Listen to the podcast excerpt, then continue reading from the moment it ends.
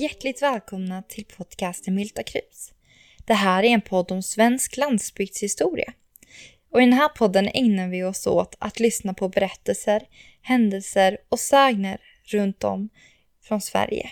Mitt namn är Linn Forsgård och du lyssnar just nu på Milta Krus-podden. Dagens avsnitt ska vi ta oss upp längs med Indalsälvens strömmande vatten och vackra naturlandskap till den östjämska byn Krångede i Ragunda kommun. Det är här i Ragundadalens gång, bland höga tallar och i skuggan av bergen som vi finner bygden. Idag bor det ungefär 62 personer i byn, men så har det inte alltid varit. Det är nämligen så att för ungefär 90 år sedan påbörjades bygget av Krångede kraftverk här, som under sin tid var ett av Sveriges största vattenkraftverk. Under början av 1930-talet förändras det traditionella jordbrukssamhället i Krångede till en gyttrig kåkstad. Men vem är det som bor här? Och hur såg livet ut i det nya samhället? Det ska vi ta reda på när vi nu blickar 90 år bak i tiden. Året är 1931 och Sverige är i förändring. Världen är i förändring. Det är under detta år som Empire State Building invigs i New York i USA och i Sverige får kvinnor allt bättre arbetsvillkor. Bland annat inför moderskapsförsäkringen i Sverige, en akt som beviljar kvinnor sjukpenning när de är hemma med sina sjuka barn. Men det är även det här året som Ådalshändelserna äger rum, där fem arbetare skjuts ihjäl av svensk militär efter att ha deltagit i ett demonstrationståg för högre löner. Men vad har 1931 med den östjämska byn Krångede att göra? Allt. Det är nämligen nu Sverige har fattat beslutet av att tämja de tre kilometer långa Krångedeforsarna som bestod av Forsnacka, Lillsutforsen, Sågfallet, Drakahällsfallet, Kvarnfallet och Båghålsfallet för att nyttja fallets kraft genom att bygga ett vattenkraftverk. På platsen fanns redan en kvarn som under bygget går under namnet Provisoriska och som precis som kraftverket kommer göra utnyttjar fallets energi för att driva en såg och under utbyggnaden används stugan för att förse anlägget med el. Men det är långt ifrån första gången som Krångedeforsarnas vilda brus väcker ett intresse. När Ragunda brunns och badanstalt hade sin glansperiod kring sekelskiftet 1900 var Krångedeforsen ett omtyckt och självskrivet besöksmål.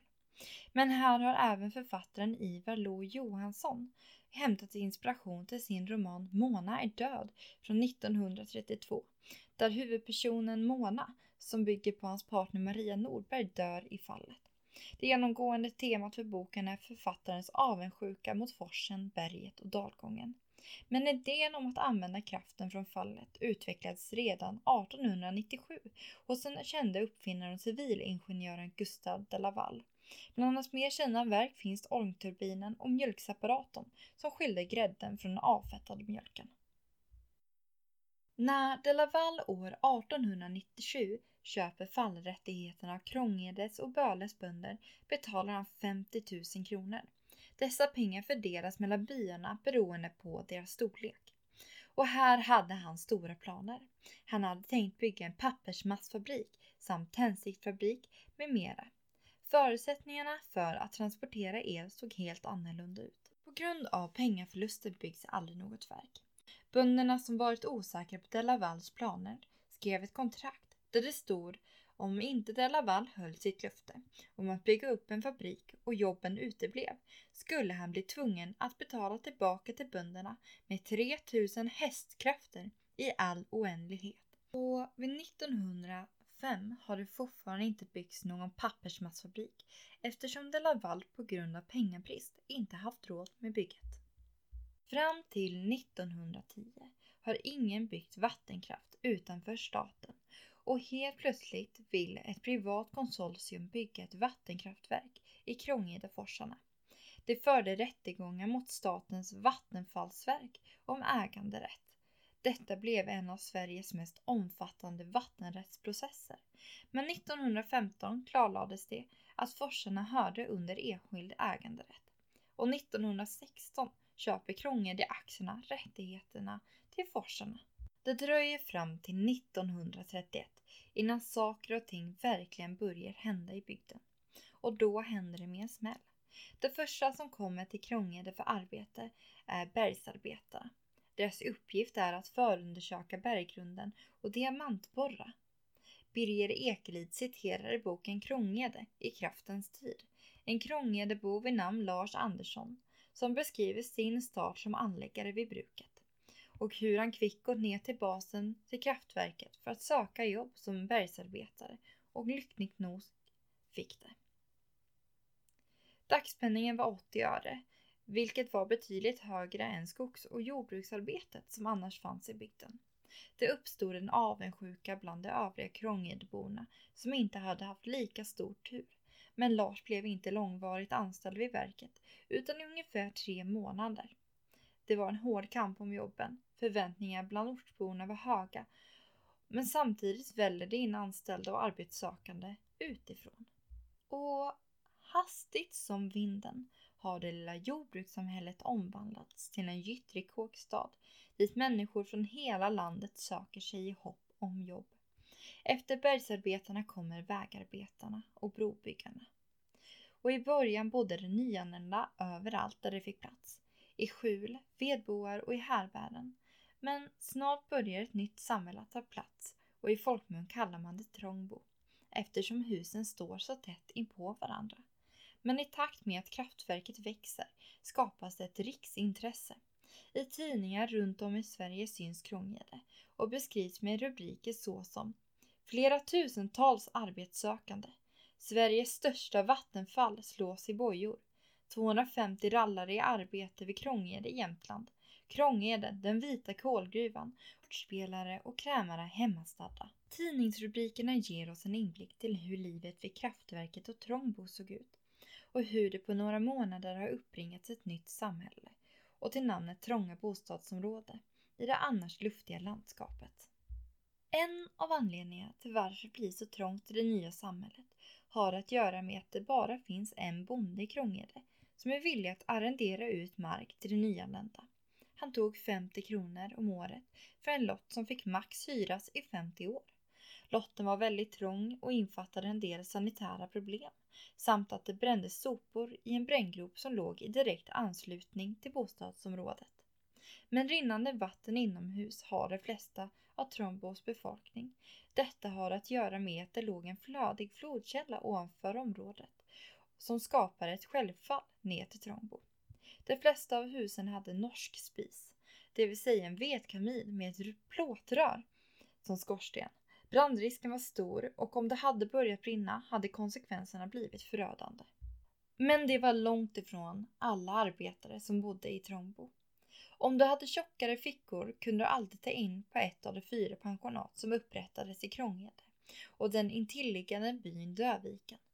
Det finare pensionatet Frammat, som ägdes av Lindström, låg nere vid älven, några hundra meter från Trångbo och erbjöd nyrenoverade enskilda rum.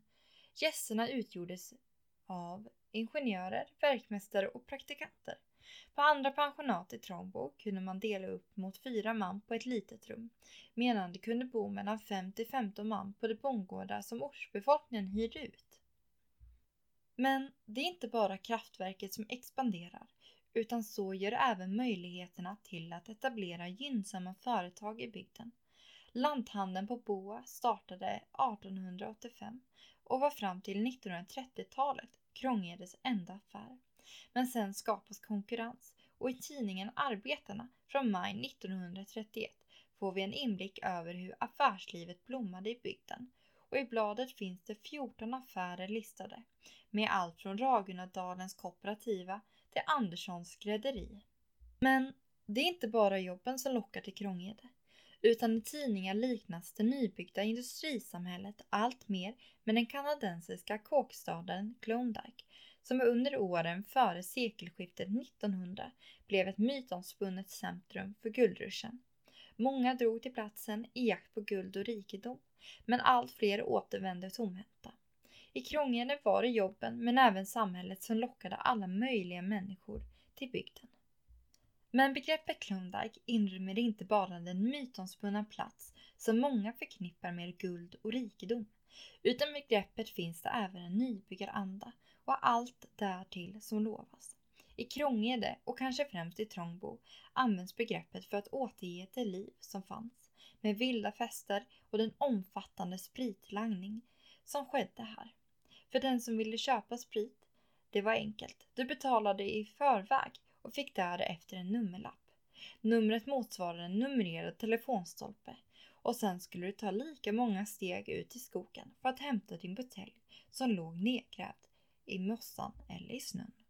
Och här spelas det poker med höga insatser. Professionella spelare söker sig till Krångede.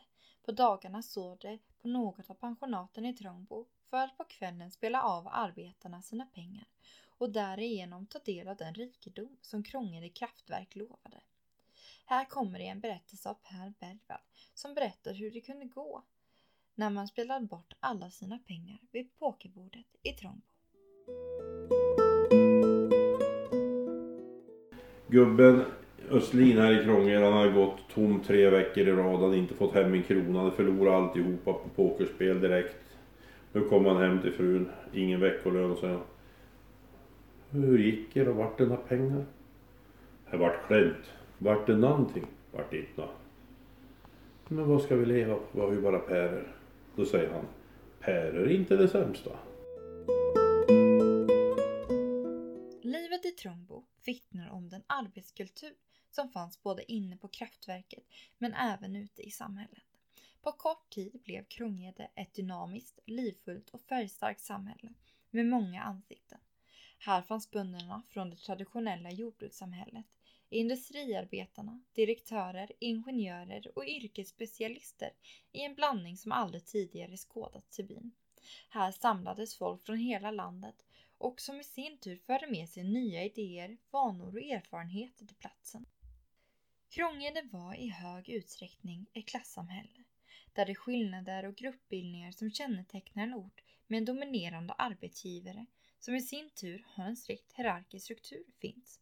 Både på anlägget och i byn synliggjordes dessa rangordningar, kanske främst mellan arbetarna och de arbetslösa. Bilden av Krångede som ett blomstrande samhälle stämmer inte alltid överens med verkligheten. Här fanns det rikedomar och framtidshopp, men det blandades med desperata rop från människor som gjorde allt för att överleva dagen. Under byggnadstiden befinner sig Sverige i en omfattande arbetslöshet och det finns en ständig närvarande oro på arbetsmarknaden. Efter flera års högkonjunktur under det glada 20-talet hade börsen i New York kraschat under den svarta torsdagen 1929. Följden blev en global kris med sjunkande tillväxt, ekonomisk stagnation och politisk oro. Men i kölvattnet av detta tar ändå Krånged AB beslutet om att bygga kraftverket. 1930-talet speglar även en tid av optimism, förnyelse och förändring och kanske är det därför som så många söker sig till Krångede i hopp om en bättre framtid. Näringslivet expanderar och arbetsrörelsen fick ett starkt ökat inflytande runt om i Sverige. Kraftverksbygget lovprisas från alla håll och kanter och i ett tidningsreportage beskrivs arbetarna som män med svensk arbetsduglighet. Trots att männen som arbetade vid kraftverket kom från varierande bakgrunder, både klassmässigt och landskapsmässigt, hade det en sak gemensamt. Det var alla män. Det fanns inga kvinnor som jobbade vid Krångede kraftverk, förutom kockerskan som jobbade på mässen och lagade mat. Men när männen försvann från jordbruket och ner i de djupa schackgångarna blev det kvinnans uppgift att sköta marktjänsten. Hon förväntades råda om hemmet och se till att karlarna var mätta och rena, samtidigt som hon hade ansvar för djuren och laddgården. Kraftverket beskrivs som ett dåtida under av modern ingenjörskonst, men för verkets arbetare handlar det om ett tungt råslit som ska utföras i hetta, kyla och väta, och såväl som vårflod och snöstorm. Det var ett svårt, farligt och tungt kroppsarbete och arbetsmiljöfrågor står inte direkt högt på dagsordningen och säkerhetsutrustning saknas i stor utsträckning. På Krångede kraftverksmuseum finns det bilder på män som balanserar på tunna brädplankor och höga linjestolpar utan säkerhetsutrustning högt över marknivån och djupt ner i gruvschakten. Döden var alltid närvarande och stod och flåsade arbetarna i nacken. Det är mitten av mars 1934 som Krångede kraftverk har sitt första dödsfall på arbetsplatsen. Det är en man vid namn Erik Persson som har omkommit. Han var enkling sedan 1926 och hade nio barn, varav åtta vid livet, fyra vuxna och fyra minderåriga. De två äldsta sönerna jobbade på verket tillsammans med Erik. Persson jobbade ute på tipparna, det vill säga den plats där dekavilltågen, som är Frans diesellok, åkte ut från berget fullastat med sprängd bergsmassa. På tippen hjälpte man till att tömma vagnarna innan tåget körde in i berget igen. Erik Persson befinner sig på en av tipparna när han ser hur en av vagnarna börjar välta. Han hugger ner sitt sprytspett i marken för att hejda vagnen, men det blir för tungt och han släpper taget. Spettet krossar hans skallben. Han förs till stugan, men där tar han sitt sista andetag innan han åter får följa sin 17-åriga son till den sista vilan. Nu har Krångede AB haft sin första dödsolycka och klockan är halv tolv. Nu tar Folke Grange som var kraftverkschef för Krångede två beslut. Det första är att Persson ska få betalt för hela dagen, det vill säga fram till klockan fyra. Det nästa beslutet är att Grange åker hem till den drabbade familjen med en blomma och förklarar situationen samtidigt som han säger till den äldste arbetslösa sonen att han får överta sin fars plats på kraftverket med samma timlön som fadern hade. Det gör att familjen klarar sig rent ekonomiskt. Om det är döden som skrämmer arbetarna allra mest kommer vi aldrig få veta. Men här finns det även otrygga arbetsvillkor med återkommande permitteringar och en timlön som är förhållandevis låg. En arbetare inom industri och hantverk tjänade i snitt 3000 kronor per år, vilket är ungefär dubbelt så mycket som en skogs och lantbruksarbetare gjorde. Därtill har alla arbetslag ett ackordereringstillägg som ställer stora krav på prestation, samarbete och laganda för utökad förtjänst. Till en början så använde ortsbefolkningen som en slags buffert. När det blir ont om jobb är det i regel bygdens folk som får lämna medan de hitflyttade fick stanna. Dock så kräver Ragunda kommun att en viss andel av de anställda ska utgöras av lokalbefolkningen och arbetsgivarens strategi blev att blanda de hitflyttade yrkesspecialisterna med hemmafolket som var som en joker i kortleken. Det fick duga till vad som helst. De vanligaste arbetskategorierna var diverse och grovarbetare, träarbetare, betongarbetare. Men därefter följer armerare, verkstadsarbetare, gjutare, elektriker, murare, elmontörer, körkarlar, dykare, vägarbetare och en rad funktioner inom arbetsledning, ekonomi, planering och administration. En av personerna som kanske minns allra bäst är Folke Grange. Han var med från starten 1931 och blev senare stationens första driftchef fram till sin pensionering 1960. Han var en flitig man som hade fingret i de flesta aktiviteter runt om i bygden, i allt från idrott till körsång. I Ammer, som är en bygd i Ragunda kommun, finns det en kurva som är uppkallad efter honom. Grangekurvan. Detta har att göra med att han var en väldigt dålig bilförare och körde av vägen i just den här kurvan. Men utöver att Grange var en usel bilförare hade han även en känd älskarinna i Stockholm. Förare Hansson har nu lastat in Grange bak i bilen på andra sidan gården i den gula chefvillan som står mitt emot Krångede museum. Grange ska åka till Stockholm med tåg och Hansson ska köra honom till Ragunda där tågstationen fanns. I Stockholm finns hans kända älskarinna. Fru Grange kommer ut på bron och ropar Folke! Folke! Gud ser dig. Herr Grange svarar då Ja, det gör han men han skvallrar inte. Uttrycket har sedan dess fått fäste i byn och används när man har gjort något som man vet att man ska låta bli. Eftersom Gud, han skvallrar inte. Men det är inte bara Grange som är inblandade i aktiviteter runt om i bygden. Här fanns arbetsrörelserna och det rådde stundtals en stark rivalitet mellan syndikalisterna och den traditionella arbetar och fackföreningsrörelsen.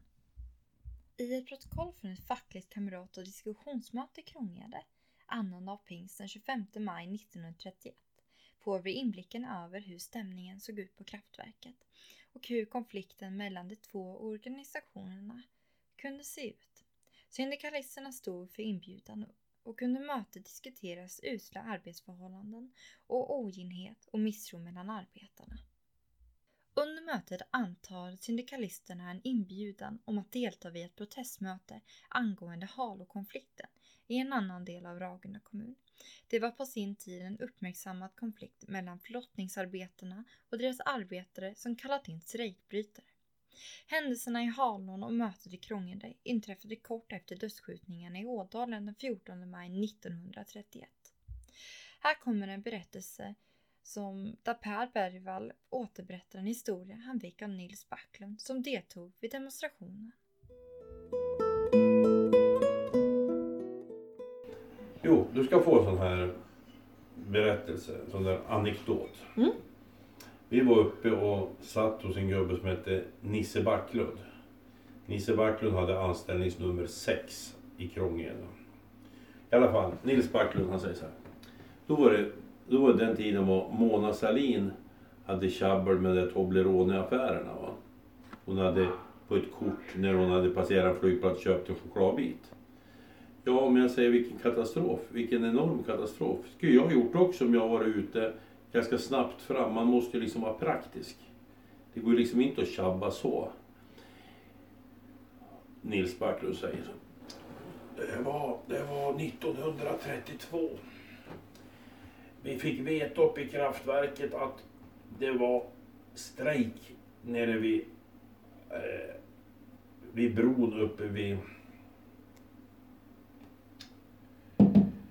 uppe vid, i Gevåg, upp vid, vad fan heter forsen då? Eh, att ingen. Där uppe så, så strejkar man eh, i Harlån alltså. Man, man eh, åker upp i skolan i Gevåg och så kommer man till den här platsen och där var det strejk. För att de fick inte ihop till maten. De var skyldiga. De, fick, de köpte mat på krita och så fick de inte pengar som de kunde betala. Så de hade stuckit därifrån och då hade de tagit in ett gäng med strejkbrytare och det var universitetsstuderande pojkar från Stockholm som var här och, och skulle flotta och det gick ju inte. Och Nisse sa, och det här var ju på den tiden när det var liksom skillnad på politik. Va? Det, var, det, var, det är inte som det är idag liksom att det är ingen större skillnad. Va? De här grabbarna de var verkligen socialister. Och då säger Nisse åt dem, vi måste dit. Vi måste rycka in och hjälpa till. Och han, han, kör, han hyrde en lastbil. Så på lördag när de gjorde slut på jobbet så har de hyrt en lastbil eh, för... De har hyrt en lastbil för 2,50.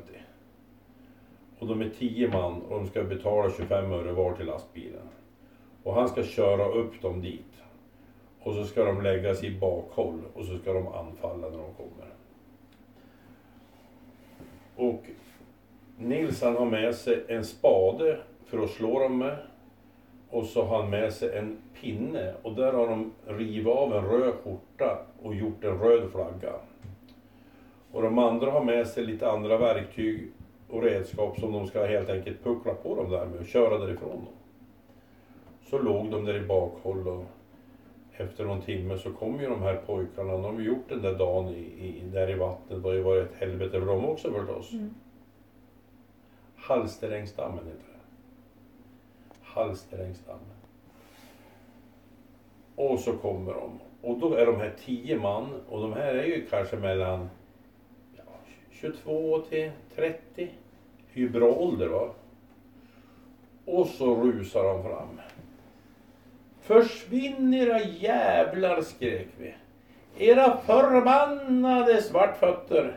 Dra åt helvete era jävlar!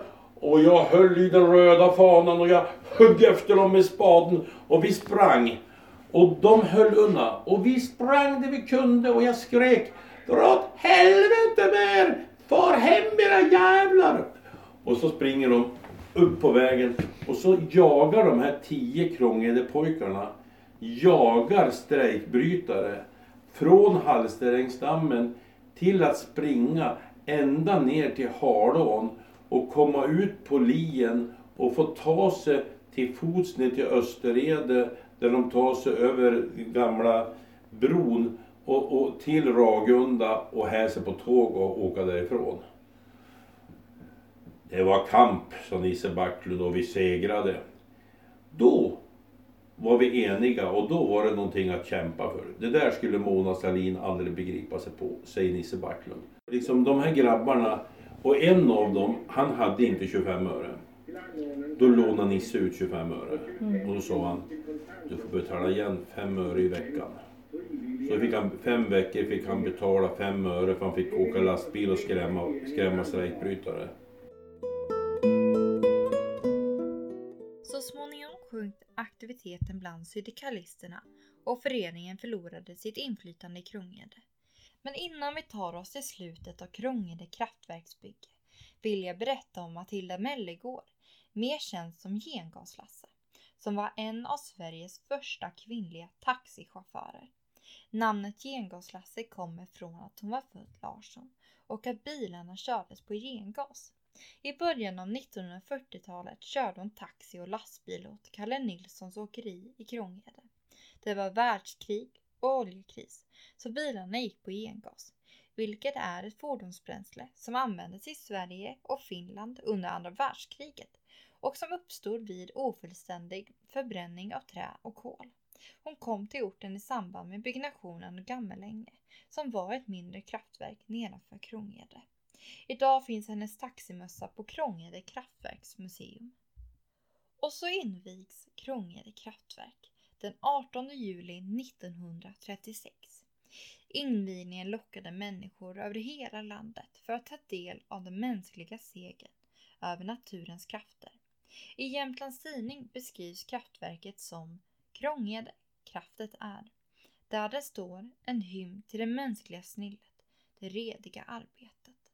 Betydelsen av kraftverket i Krångede understryks av att kronprinsen Gustav Adolf, sedermera kung Gustav den sjätte Adolf, närvarar tillsammans med kronprinsessan Louise. Under invigningen betonar kronprinsen att många olika intressen kommer ha nytta av kraften, såsom Stockholms stad och de mellansvenska industrierna.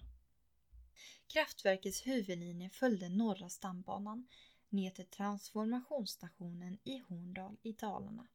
En sträcka på 36 mil. Det var premiär med Sveriges dittills största spänning på 220 000 volt. Efter invigningen fortsatte utbyggnaden av Krångede kraftverk fram till 1947. Man hade under den här tiden även påbörjat ett nytt kraftverksbygge några kilometer längre ner i forsen, nämligen Gammelänge, som byggdes mellan 1941 till 1947. Kraftverket börjades bygga 1931 och togs i drift 1936. I en tid då Sverige var på väg från ett fattigt jordbruksland till en välfärdsnation. Och i den processen spelade Krångedeforsarna en viktig palest. Forsen var ett framtidslöfte som innan den tystnaden sjöng industrialismens höga visa. I kommunen Ragunda produceras 4% av all Sveriges totala energi och står för 9% av vattenkraften. Gammelänge, kraftverket som ligger strax nedanför Krångede, försörjer Sverige med en el som går direkt till vilolägen runt om i Sverige. Och här lider berättelsen om Krångede kraftverk mot sitt slut. Precis som Birger Ekelid skriver i boken Krångede i kraftens tid så handlar berättelsen om Krångede kraftverk inte bara om Krångede och Dövikens lokalhistoria. Utan det här är även berättelsen om Sveriges gradvisa förvandling från ett utpräglat jordbruksland till en modern industrination. Innan kraftverksepoken hade Krångede och Döviken en gemensam folkmängd på 385 personer.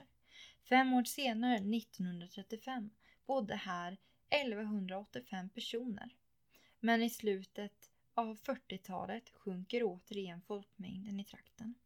Idag är de flesta av husen i Trångbo rivna medan de få som är kvar väntar på att naturen återigen ska inta den gamla kåkstaden.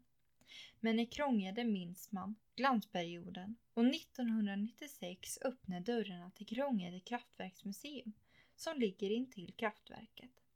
Här fortsätter man att berätta om Krångede och kraftens tid. För att gestalta det liv som en gång fanns här. Mitt namn är Linn Forsgård och du har lyssnat på podcasten Mylta krus.